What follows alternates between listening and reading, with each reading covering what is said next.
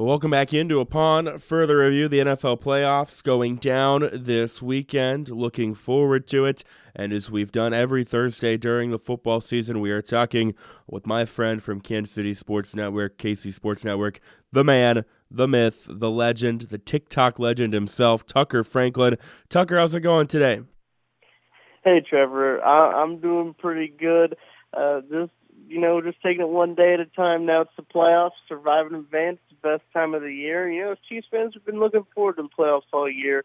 It's finally here. It's the best time of the year for sure. Yeah, it's a fun time. Looking forward to it. The Chiefs are going to take on the Steelers on Sunday night. We'll dive into that matchup and hopefully uh, a lot of the other NFL matchups as well going on uh, with the wild card round.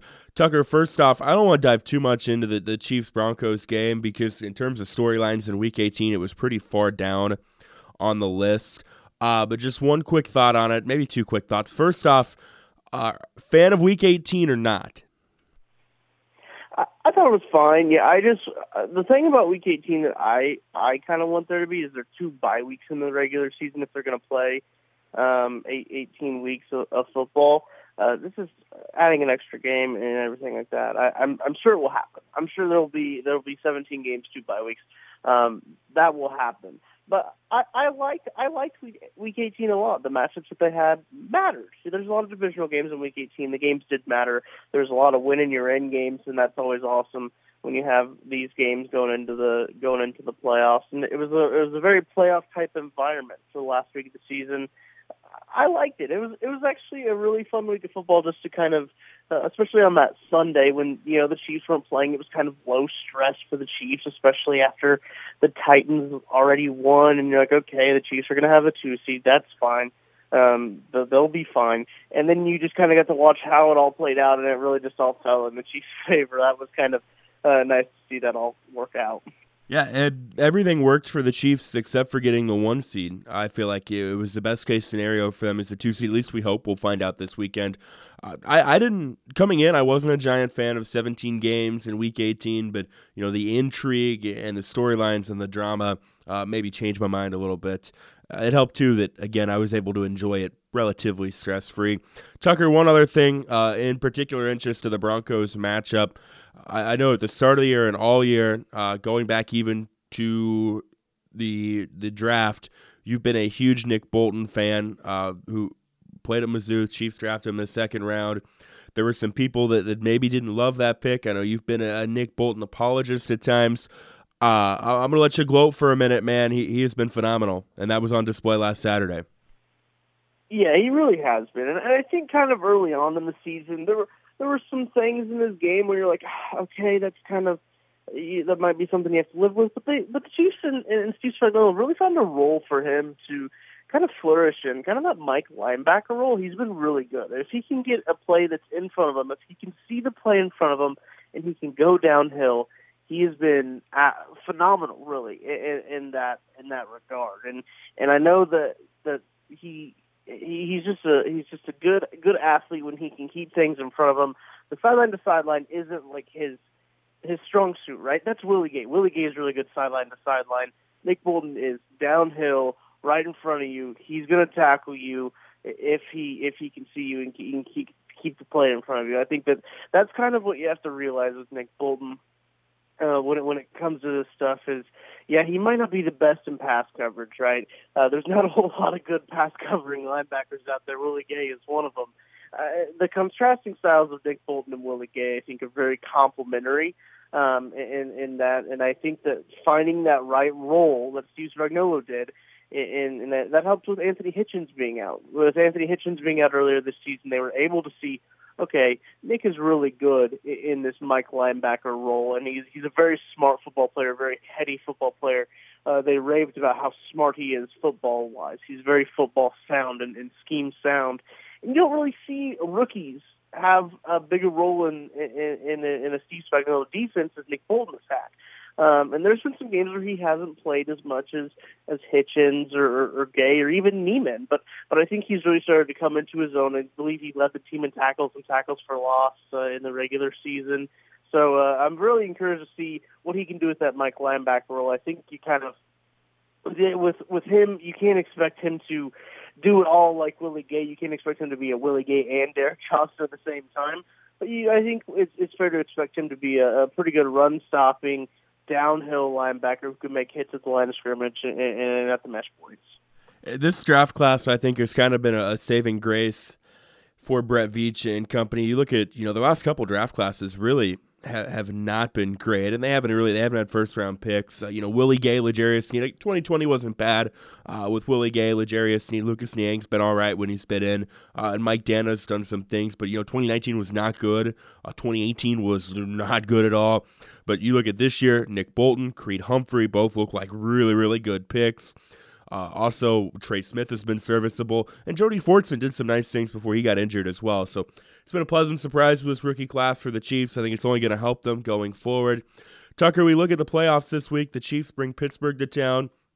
The last time they played was uh, my one of my favorite games of the year because it was one of the, the most stress free games they've had this year. But I don't know why, and maybe you can kind of talk me off the ledge with this, but the Steelers kind of, you know, they, they give me some scares. And maybe it's because they're the Steelers. Maybe it's because we know Ben Roethlisberger's kind of on his way out the door. Uh, this Steelers team gives me some 2015 Denver Bronco vibes. Is that just me being a, a negative Nelly and a pessimistic Chiefs fan, or is there some legitimacy to that? Well, I think that there's definitely some some scar tissue there, if you will, if you think about the Chiefs and, and the Steelers in the playoffs. Uh, and, and th- those are some of the reasons that I do not like the Steelers team at all, and I don't I don't like the Steelers organization. I should say um, they've given me some very bad memories and some some mental scars that I don't want to uh, rehash and talk about sometimes. But um, I, I think that listen. This is not a good football team. Uh, the Chiefs are a double double digit favorite for a reason. Vegas wouldn't make them a double digit favorite if they didn't expect them to win by double digits. Um, and I think that Big Ben is really playing into that, and I think that that he really has nothing to lose, right?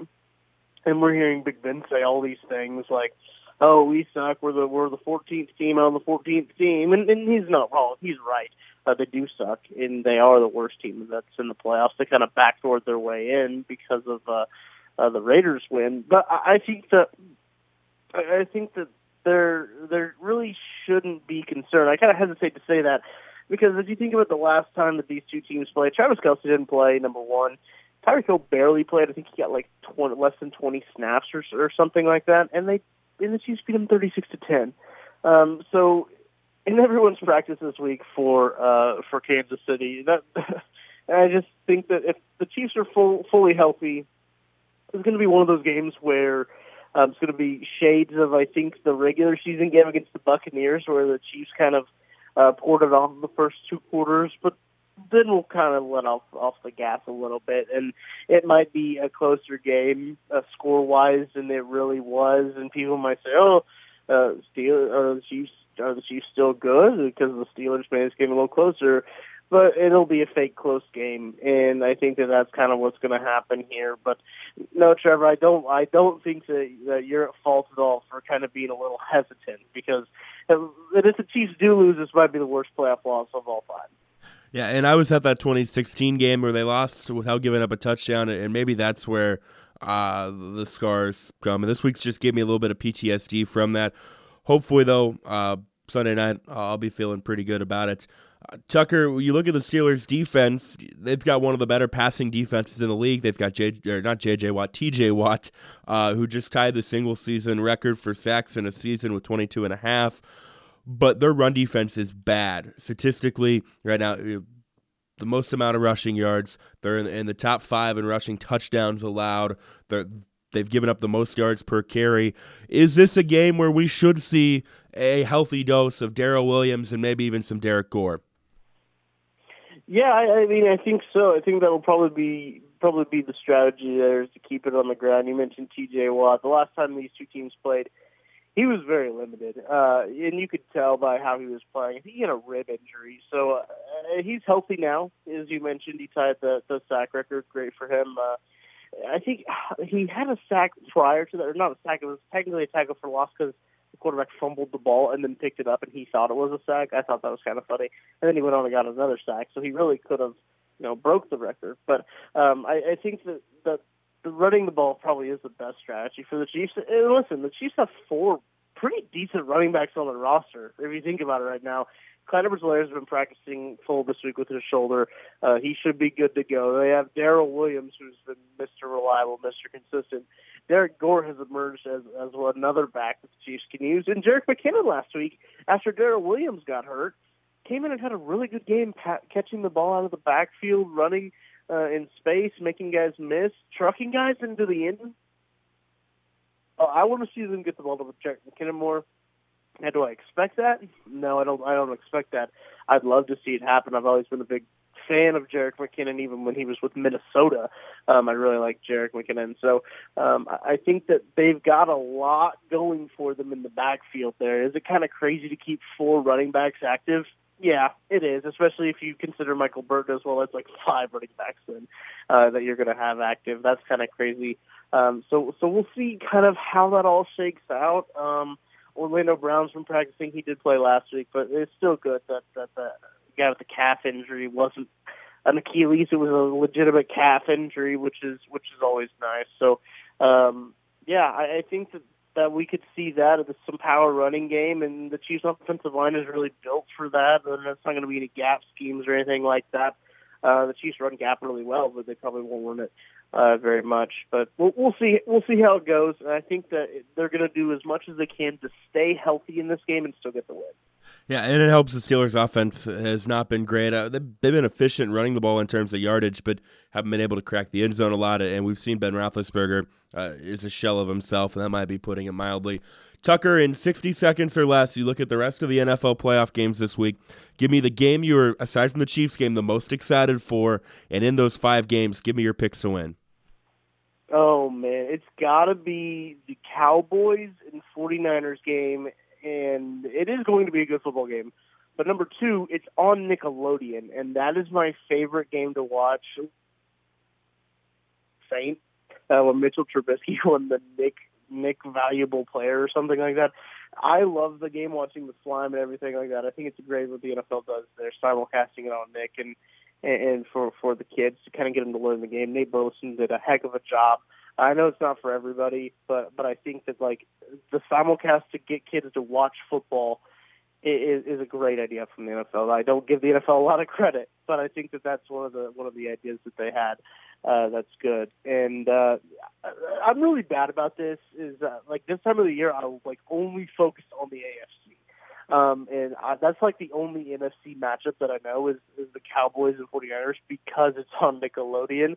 Um, but, but in the AFC, man, uh, you look at that Raiders uh, Bengals matchup. I think that's that's going to be a really interesting one, especially how the Raiders have been playing lately.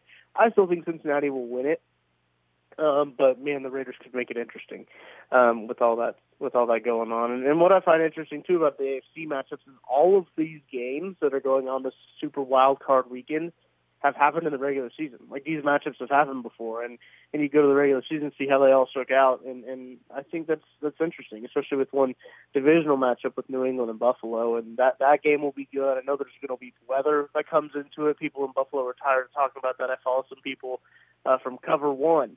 It's a it's a phenomenal uh, Bills website uh, up up in Buffalo, and, and they're talking about um, they're tired of talking about the weather, and if Josh Allen's arm can can cut through the wind, yeah, it can. Does he want to do that? Probably not. But it's just a, a fun little narrative that's going on up there that they're but they're tired of. I'm sure talking about all the time. But uh, the AFC should be a fun one. I'd love to see, get some of these uh, these like the Josh Allen out and and maybe if the Raiders win too, it could make it a little bit easier for the for the Chiefs if if Derek Carr and um, Mac Jones and Ryan Tannehill are the only other quarterbacks left I'd feel pretty comfortable with the Chiefs' chances making to the AFC Championship. And Tucker, you'd mentioned the AFC rematches. Every playoff game this week, except Niners Cowboys, is a rematch. The Eagles and Bucks met in the regular season. Tampa won by six, and then of course the Rams and Cardinals, uh, divisional opponents. They're going to meet for a third time uh, when they meet on Monday night. I'm going to go. I'm going to say Bengals, Patriots. Uh, that's the game I'm the most looking forward to. I think it's going to be a fun game. Uh, but you know, with the weather in Western New York, it's a night game. I am not doubting Bill Belichick in a game like that. So I think New England pulls off the upset, uh, which then would most likely send you know, it would send the winner, assuming Kansas City wins on Sunday night, it would send the winner of Cincinnati Vegas to Kansas City. I think I think Tampa Bay rolls over Philadelphia. I'm intrigued by Dallas, San Francisco as well. I think Dallas wins by like a touchdown. And then, of course, we've got the Chiefs game on Sunday night. And then I'm going to say the Rams don't have much trouble with the Cardinals either. I don't think the Cardinals are very good. Uh, we've kind of seen them falter down the stretch. It's a fun time of year. I love the NFL playoffs. I know Tucker does as well. Uh, looking forward to it. Tucker Franklin uh, with Kansas City Sports Network. Tucker, thank you so much for the time today. And this time next week, we'll either be uh, mourning what was a great NFL season for the Chiefs or looking to a divisional round matchup. I can't wait, my friend. Yeah, but it's always a pleasure, Trev.